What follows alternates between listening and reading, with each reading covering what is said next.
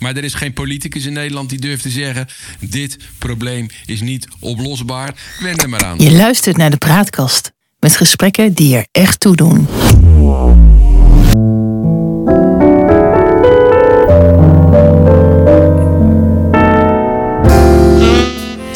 Welkom bij de Praatkast.nl. Dit is een aflevering van het Geheugenpaleis. Mijn naam is John Knierim en samen met Han van der Horst maken we deze podcast. De geschiedenis die herhaalt zich nooit, maar Rijmer dat doet hij vaak wel. En dat gegeven gebruiken we in het Geheugenpaleis om dieper in te gaan op de actualiteit. Zo gaan we aan de waan van de dag voorbij en bereiken we de kern van het nieuws. We scheppen orde in de massa van berichten die het zicht op de grote lijn belemmeren. En tussen beiden blijkt dat de werkelijkheid vaak genoeg elke fantasie te boven gaat. De asielcrisis, daar moeten we het over hebben. Nederland is vol. Er kan niemand meer bij in Nederland, want elk jaar komt er een provinciestad bij aan asielzoekers. En we hebben al te weinig huizen. Vind je niet, Han? Ja, en als je dat soort opmerkingen maakt, dan kun je daar aan de rechterkant van het politieke spectrum stemmen mee winnen. Dat geloof ik wel, ja. Maar het betekent allemaal niks als je dat zegt. Uh, want waarom betekent het dan niks? Omdat het geen enkel effect heeft. Hè. Je kunt daar meewarig over doen en zeggen... nou, die asielstroom die moet ingedampt worden en gestopt. Ja. Maar niemand weet hoe ja. dat moet. Nee. Ja, ik geloof dat eigenlijk van links tot rechts nou, iedereen er wel over eens is dat het zo niet door kan gaan. En dat het minder moet. En er moet samengewerkt worden in Europa. We moeten misschien wel een hek zetten om Europa. We moeten strenger zijn. En uh, nou ja, we moeten allerlei dingen uh, gaan, gaan regelen. Uh, maar het blijft vaak zo in van die abstracties hangen. Want ja, een grens dichtgooien, dat lijkt me toch een beetje lastig, of ja, niet? dat kan ook helemaal niet. Tenminste, het kan wel, want dan zou je een soort ijzeren gordijn moeten aanleggen. En uh, de christen Wopke Hoekstra is daar ook min of meer een voorstander van. Maar met zo'n ijzeren gordijn ben je er absoluut niet. Want er zullen altijd mensen over de hekken heen komen. Als je dat wil ja. doen, dan zul je ook binnen de hekken een enorm controlesysteem moeten uh, opzetten. En dan zal iedere burger zich bijvoorbeeld een paar keer per dag moeten identificeren. Of in de tram altijd zijn paspoort moeten laten zien aan de conducteur. Ah, ik zie toch, ik zie, Want anders. Ik zie toch aan jou dat je gewoon een Nederlander bent. En dat, dat zie je aan mij toch ook? Dat hoeft toch niet? Uh, ja, als je op een gegeven moment zegt... Uh, er mogen alleen maar blanken zijn. Maar uh, je moet mijn kleinzoon eens bekijken. He, die... Die is een beetje donker. Nee, is helemaal niet donker. Maar daar zit een heleboel Braziliaans en Russisch bloed in. Behalve het ja. Nederlandse. En um, nee hoor, je kan aan iemands gezicht helemaal niet zien... of hij, of hij hier thuis hoort. Als je dat als je daar wel van uitgaat bij je controles, dan speel je juist uh, uit overtreden van de regels in de kaart. Dan profileer je etnisch, zeg je? Nee, dat zeg niet. Dan profileer je etnisch. Dan laat je een heleboel mensen gaan die niet aan jouw vooroordelen uh, voldoen, maar ja. niet de juiste papieren hebben. Vergis je daar niet in. Dus uh, als je dit gaat doen, dan moet je er echt een controlestaat van maken voor iedereen. Ik denk dat heel veel mensen daar inmiddels wel voor zijn, uh, als ik dat zo inschat. Ja, er zijn uh, zeker een derde van de Nederlanders stemt op partijen die dat eigenlijk wel zouden willen. En ja. die zullen pas merken wat het betekent als het te laat is. Namelijk als je te pas en te onpas gecontroleerd ja, wordt. En, uh, en dat niet alleen maar dat je bijvoorbeeld de verplichting krijgt. Dat zou ook wel heel handig zijn om altijd een mobiele telefoon bij je te hebben. Dan ben je traceerbaar. Ja. Het zal nog wel ja. een eeuw duren voordat de burgers een chip krijgen. Maar dit soort dingen, dit soort, dit soort voorstellen zijn de eerste stap. En ik overdrijf niet. Hè? En ik zeg ook niet dat je het niet moet doen. Hè? Ik, zeg, ik, ik geef alleen de consequenties weer van wat je ja. wil.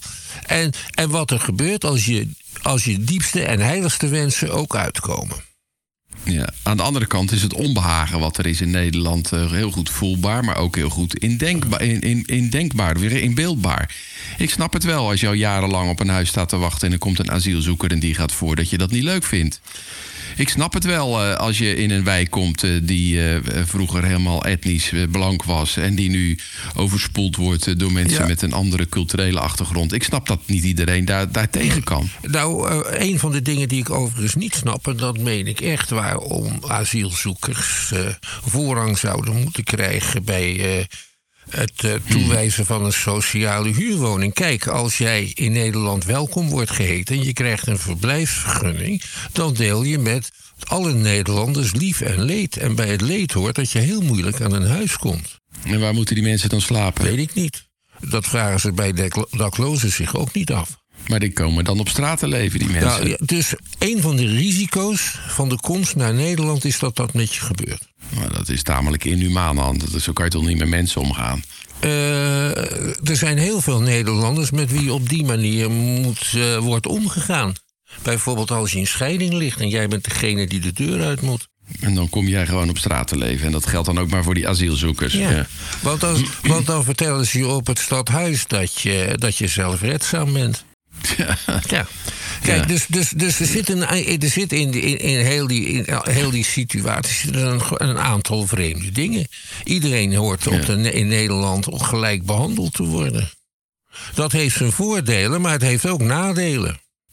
Nou ja, we, we- we zitten een beetje tegen elkaar, eh, hè, elkaar een beetje uit de tent eh, te lokken. Maar eh, ook om te schetsen dat het eigenlijk een, een, een onoplosbaar probleem eh, is. Ik zou met jou eens eigenlijk mee eh, eh, willen gaan naar.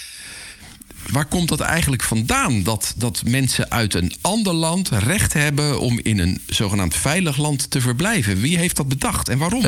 Nou, dat is gebaseerd op ervaringen die zijn opgedaan, vooral in de Tweede Wereldoorlog. Er zijn natuurlijk altijd al heel veel vluchtelingen geweest. Mensen die Ja. Voor het geweld eh, de wijk namen naar een ander land. Een belangrijk eh, aantal Nederlanders die denken dat ze heel erg Nederlands en heel erg blank zijn. Die dragen van dat soort vluchtelingen de genen. Dat zijn Duitsers. Ja, ik kan, je ver, ik kan je verklappen dat ik zelf voor bijna 50% Frans-Baskisch Ja. ben. Ja, ja. En- Omdat ooit mijn voorvaderen uit, uit Frankrijk gevlucht zijn. Ja, Eh, Als, als vervolgde om hun geloof. Ja. En die werden toen in Nederland trouwens uitstekend opgevangen. Die kregen zelfs subsidie in de 17e eeuw om eh, een bedrijfje op te zetten.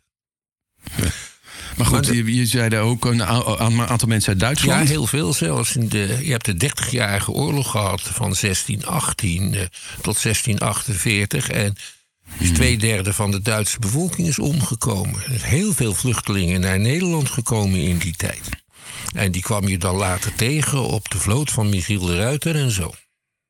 Ja, maar die werden gewoon eh, ja, geassimileerd dan door de bevolking. Hoe moet niet, dat het ging niet voorstellen? altijd even makkelijk, net als nu. Hè, want je vindt Nee, allerlei spotdichten en blijken van discriminatie in de Gouden Eeuw. Maar goed, Ja. eh, Maar, maar, maar waarom moest er dan een, een, een vluchtelingenverdrag komen? Want blijkbaar werkte dat dan dat systeem allemaal prima. We gingen, eh, we gingen een beetje waar we, ja, wa- wa- wat we nuttig vonden en, daar, of, en waar we, waar we bleven, wilden wonen. En ik herinner me dat ook in het Habsburgse Rijk gewoon iedereen eh, maar eh, door het hele Habsburgse Rijk aan het verhuizen, Rijk ja, aan het dat, verhuizen dat was. deden ze ook. En dat werd Ja. op een gegeven moment een beetje lastig toen dat land uit, dat de Habsburgse Rijk uit elkaar viel in allerlei nationale staten. En zo ontstonden in die staten nationale minderheden die gediscrimineerd werden. En er kwam burgeroorlog eh, van en zo.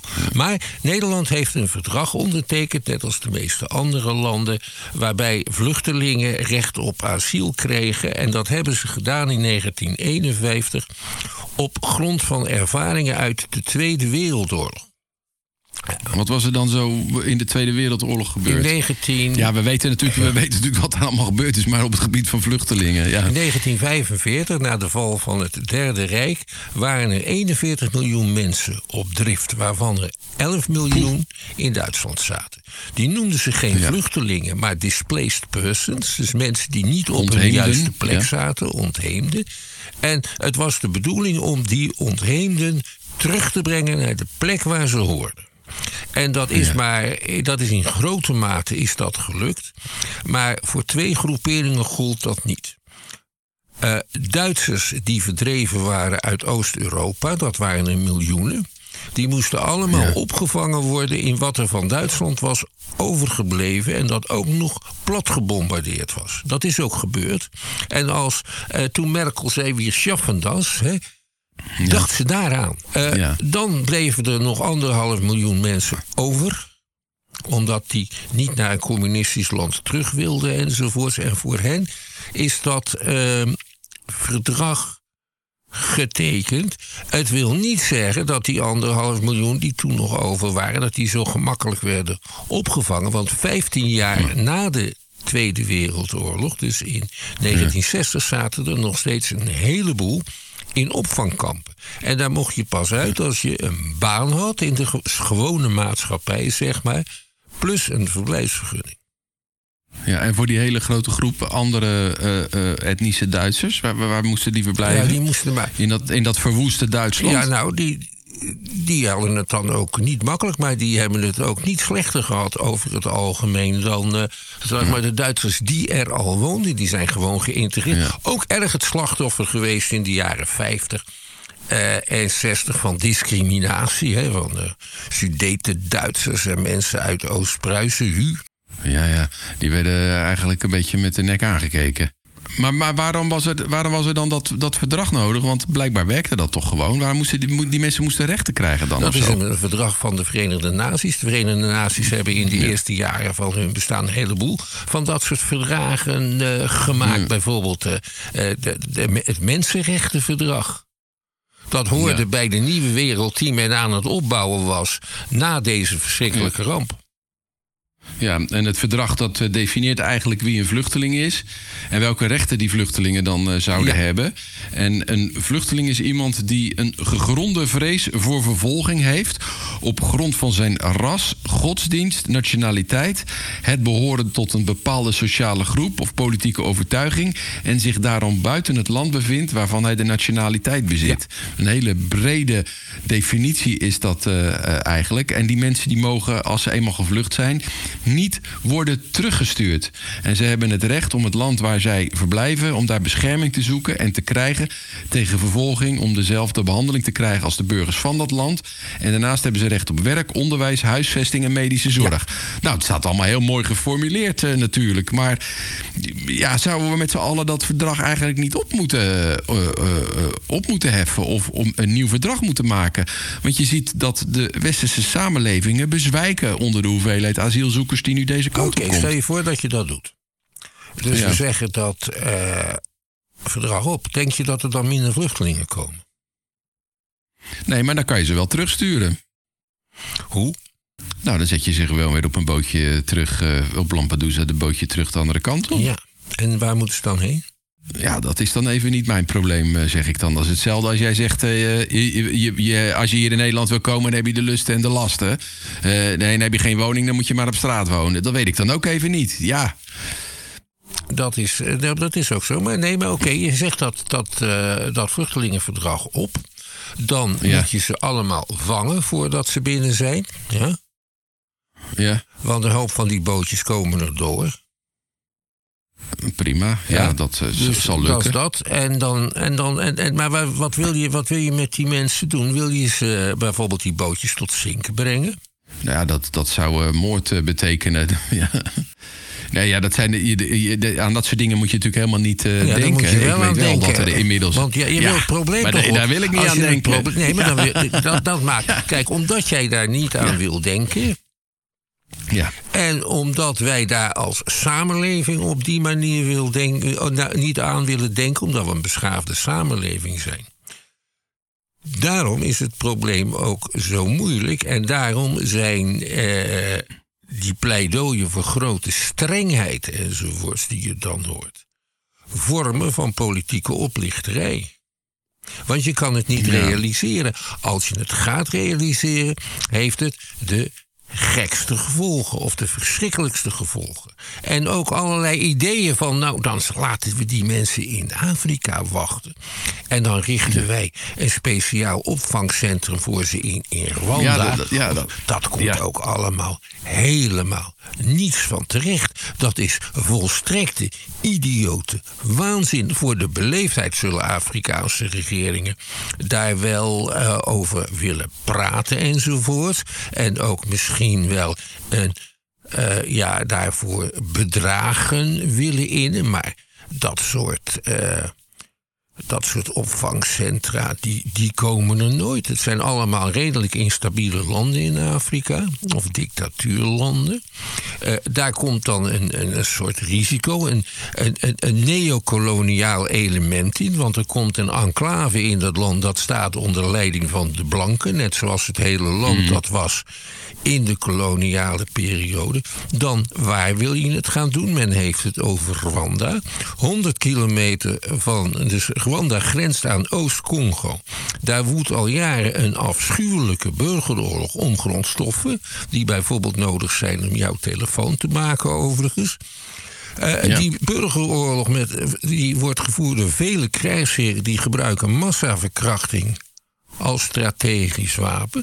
Dus als je daar vlakbij een groot vluchtelingenopvangkamp uh, vestigt, dan weet ik wel wat er gebeurt. Dus dit zijn allemaal volkomen idiote gedachten.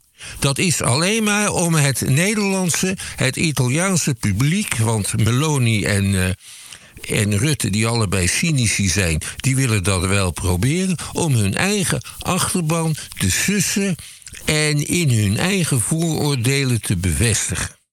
Ook de gedachte, je kan een andere wereld hebben, dat doen die landen wel. Die gaan onze problemen wel oplossen. Wat een flauwekul, Tom, toch?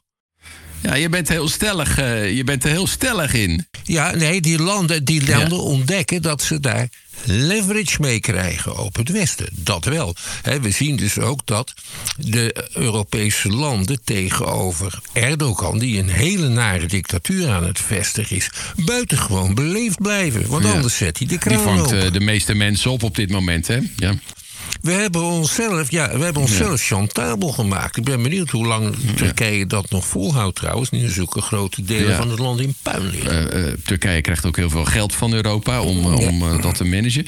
Maar je bent nogal stellig in je, door te zeggen van nou ja, dat in Afrika dat gaat nooit gebeuren. Maar, maar dat overtuigt mij toch nog niet. En anders komen er grote problemen. Want wat doe je als je daar zit? Met je ja. kamp, je opvangkamp. En er staat een krijgsheer voor de deur met zijn leger. Ja. Wat dan? Ja, dat weet ik niet. Wat er de, wat... Sturen, we dan, sturen we dan de luchtmobiele brigade? Om, om die mensen te beschermen bedoel je? Ja. Nou ja, misschien ja. moet je niet de landen dan uitkiezen waar op dit moment een, een, een oorlog uh, woedt. Er zijn best ook nog wel wat veiligere landen in, in Afrika. Maar ja, dan, dan wordt daar gezegd van ja, Namibië en Botswana, dat zijn goed georganiseerde, goed lopende landen. Waarom daar zouden, die, zouden die ons uit de problemen helpen? En dat geldt dan, ze er heel veel geld voor krijgen. Die zijn wel andere manieren waardoor ze daar veel geld voor kunnen krijgen. Een land als Namibië bijvoorbeeld heeft een groot apartheidsverleden. Maar, maar, maar Han, als, als je zegt van, van dit kan allemaal niet. Hè? En het is allemaal uh, vol, nee. volstrekte uh, idiotie. En daar gaan hele grote problemen van uh, komen. Dat is leuk hè, als iemand dan iets oppert van nou, dat gaan we niet doen. Nog even los van de vraag of de gekozen methode dan humaan is. En onder dat vluchtelingenverdrag eigenlijk nog wel haalbaar is. Want dat verdrag is trouwens best wel strikt. Maar ja, wat, wat, voor oplossing is er dan? En als jij zegt, er is geen oplossing, ja, dat is ook geen oplossing. Nee, dat weet dat er geen oplossing is. Maar het vinden van een oplossing uh, kan pas uh, tot stand komen als mensen erkennen dat er een probleem is waarvoor ze geen ja. oplossing weten ja. op het moment. Wat, wat we nu in de praktijk doen, is trouwens een heel strenge selectie van mensen die asiel kunnen aanvragen. Want je mag namelijk geen asiel aanvragen uh, bij een ambassade van een Europees land. Nee, daarvoor moet je je op het grondgebied van dat Europese ja. land bevinden. Maar dat mag niet, dat is illegaal. Dus dat ja. moet je met bootjes doen. Uh, of je moet uh, rivieren doorwaden. Of je wegknippen door allerlei soorten afscheidingen die we hebben. Nou, dat, dat moet je wel kunnen en durven. Dus dat zijn jonge, roekeloze mensen die dat in het algemeen doen. Mensen ook die goed in staat zijn onder de radar van overheden te blijven. En eh, mensen die graag, of tenminste er geen problemen mee hebben om met maffia's en misdadigers in zee te gaan. Die mensen slagen erin onze barrières. En je zegt dat is eigenlijk een selectiecriterium wat we zelf op die manier uh, in het leven hebben geroepen uh, door die ja. mensen te laten komen. Ja, want, hoe, want er wordt ook altijd, je hoort ook wel kracht. Het zijn allemaal jonge mannen, ja. zijn allemaal vrijgezelle jonge mannen. Nee, dat zijn, de voor, dat zijn, dat zijn mensen die een familie vertegenwoordigen. Want als je eenmaal dat asiel hebt gekregen, dan, mag, dan kun je familieleden over laten komen. En die kunnen gewoon met het vliegtuig komen. Je ziet ook dat dat gebeurt. Dan zeg je, nou dan gaan we dat een beetje, een beetje on, uh, onaantrekkelijk maken door ze te laten wachten. Maar dat helpt allemaal niet. Zei die op het een heel sardonisch genoegen. Uh, maar dan is de conclusie toch ja. dat uh, uh, ons sociaal stelsel op den duur niet meer betaalbaar zal zijn. Dat zal door, want die mensen moeten, die, die moeten onderhouden worden. Die hebben niet allemaal direct een baan. die moeten geschoold worden. We gaan grote culturele spanningen krijgen. Want die mensen komen vaak uit landen waar een totale andere moraal heerst dan dat wij hier hebben.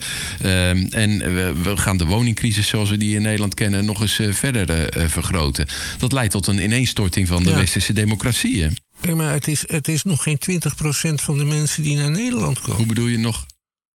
De meeste mensen zijn arbeidsmigranten uit andere. Europese landen. Dat is verreweg de grootste. Ja, groep. want het, het, het aantal uh, mensen dat uh, uit andere landen hier naartoe komt, dat, dat, uh, met, inclusief de asielzoekers, dat bedraagt geloof ik netto 250.000 afgelopen jaar. En van die asielzoekers zijn het er 50.000. Maar dat zijn er toch steeds hele behoorlijke aantallen. Ja, ja, en dat zijn asielzoekers. Hè? En, die, en dan is er maar een zeer beperkt gedeelte die het inderdaad in de ogen van de IND ja. waar weten. Ja, dus die daadwerkelijk nog mogen blijven.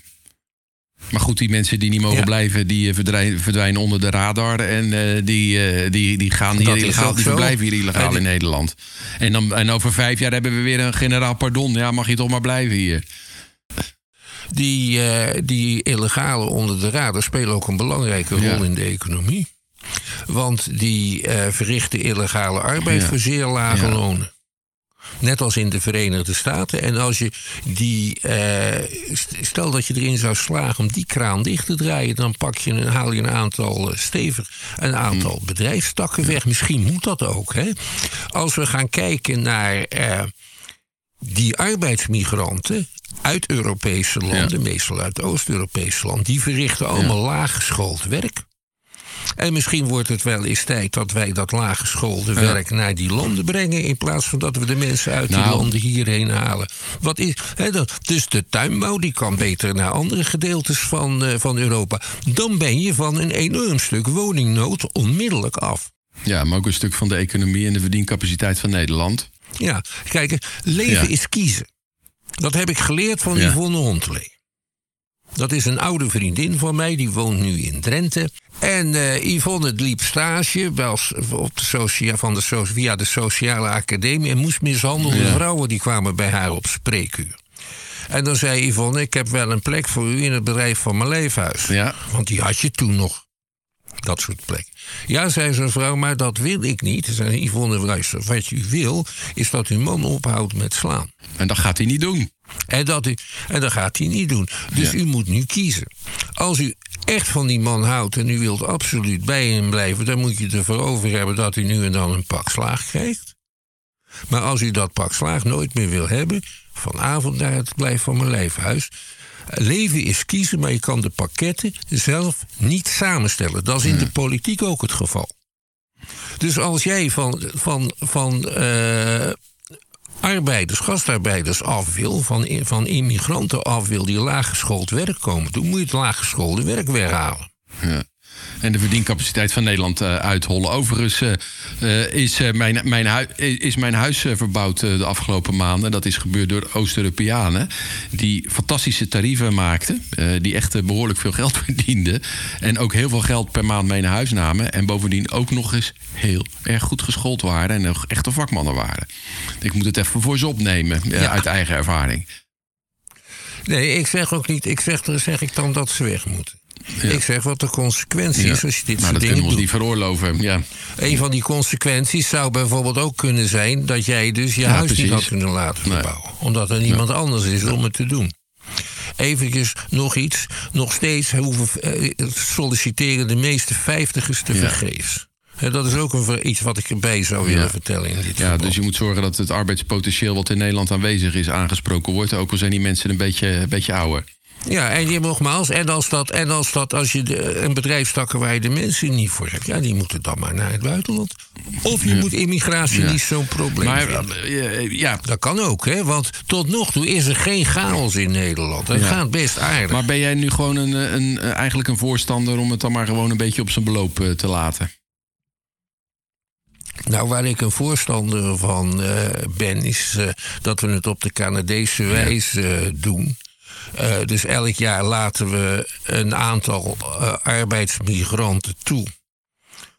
En dan kan je je daarvoor eh, opgeven bij de ambassade. En dan, ik heb wel eens bijvoorbeeld geprobeerd naar Nieuw-Zeeland te immigreren. Dat kan heel makkelijk.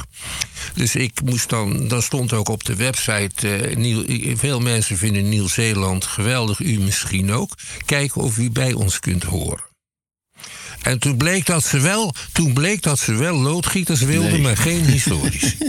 Je mocht er niet Dus ik mocht er maar niet daar heb je het over arbeidsmigranten. Eh, we hebben het hier over. eh, ja, Ja, dat zijn dat de zijn meeste. de meeste. Eh, en die leveren denk ik ook de minste problemen op. Omdat die mensen ja, blijkbaar door de maatschappij.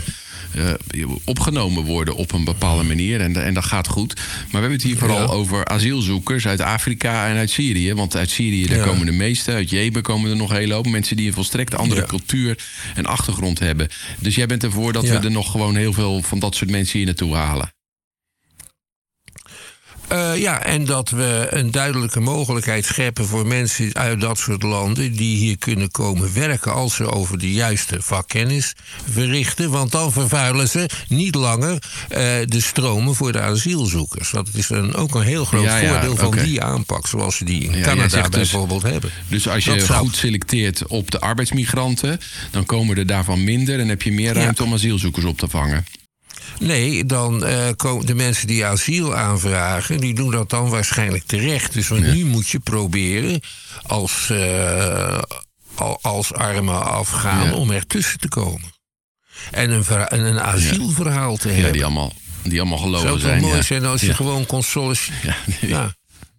Dus ik bedoel, dit, dit, is, al, Ja. dit, is, al, hè, dit is allemaal zulke flauw. Hè, dus wat mij vooral irriteert, dat is de grote mate, de grote flauwekulfactor. die In, de in, de, in, de, in die zin dat iedereen belooft iets te doen wat ze nooit waar kunnen maken. En ze weten ook dat ze dat niet waar kunnen maken. Maar er is geen politicus in Nederland die durft te zeggen: dit probleem is niet oplosbaar. Wend er maar aan. Niemand, ja, precies. En niemand wil het over de Ja. realiteit hebben. Niemand.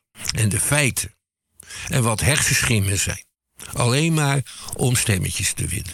Ik vrees dat het zo is. Eh, en dat dit probleem eh, ook eh, door ons Mhm. vanmiddag in deze podcast niet is opgelost. Laten we leren ook. Beseffen dat we ondanks de enorme technologische vooruitgang. En ondanks de groei van onze kennis en onze mogelijkheden toch op allerlei dingen stoten. Waar we gewoon met lege handen Waar staan. geen oplossingen voor zijn. En dat we dat. Ja, en wat, en wat we gewoon moeten durven toegeven dat dat zo is. We weten het niet. Daar moeten we het bij laten. Deze aflevering van het Geheugenpaleis. We maken het in samenwerking met de Praatkast. En de uitzendingen zijn te vinden op www.praatkast.nl. Abonneer je op onze podcast, dan krijg je automatisch een bericht wanneer een nieuwe aflevering online komt. En vertel je vrienden over ons en laat vooral ook een beoordeling achter. Dan worden we nog beter gevonden. En mailen kan ook. Stuur een bericht aan info.praatkast.nl. Voor nu bedankt voor het luisteren en tot de volgende keer. Wees gelukkig, blijf gezond.